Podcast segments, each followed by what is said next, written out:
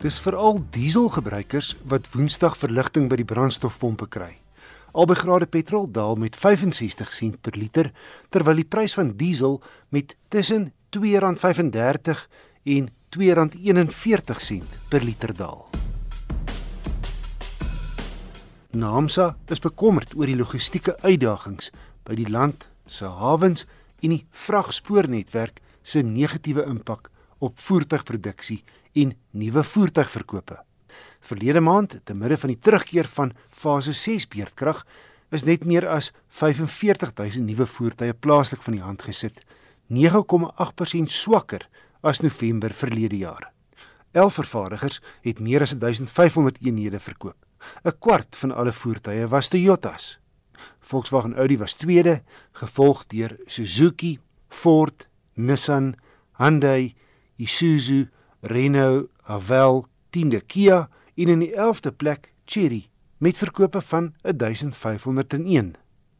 Toyota se Hilux het skoonskip gemaak met en ek rond af 3100 eenhede, tweede die Ford Ranger 2200, dan die Volkswagen Polo Vivo 1900, Toyota Corolla Cross 1800 en vyfde die Isuzu D-Max 1700 eenhede.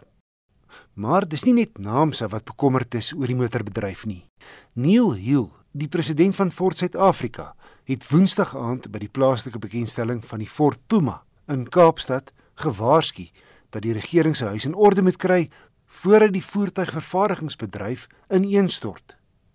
Dit volg kort op die hake van Thomas Scheffer, die grootbaas van Volkswagen se hoofkantoor in Duitsland, se uitlating vroeër die week toe hy Volkswagen se aanleg in die Ooskaap besoek het.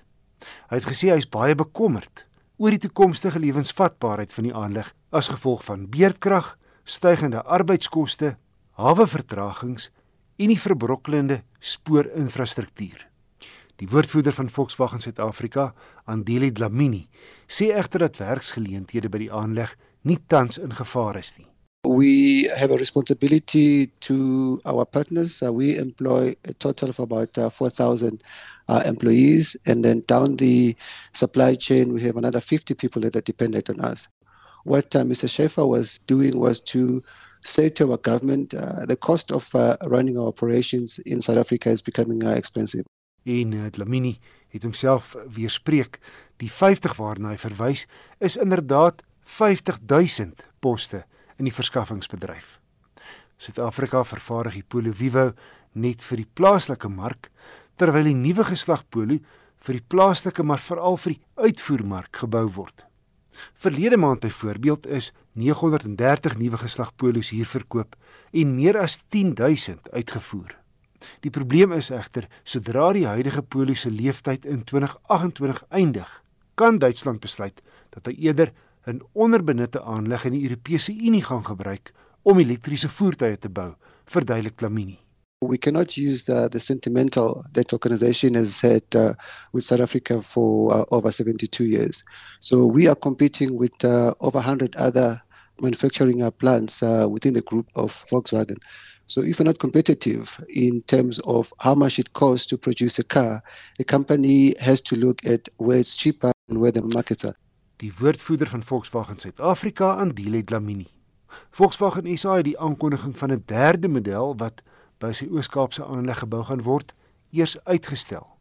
Intussen het die regering net eergister die langverwagte wetskrif oor nuwe energievoertuie goedgekeur.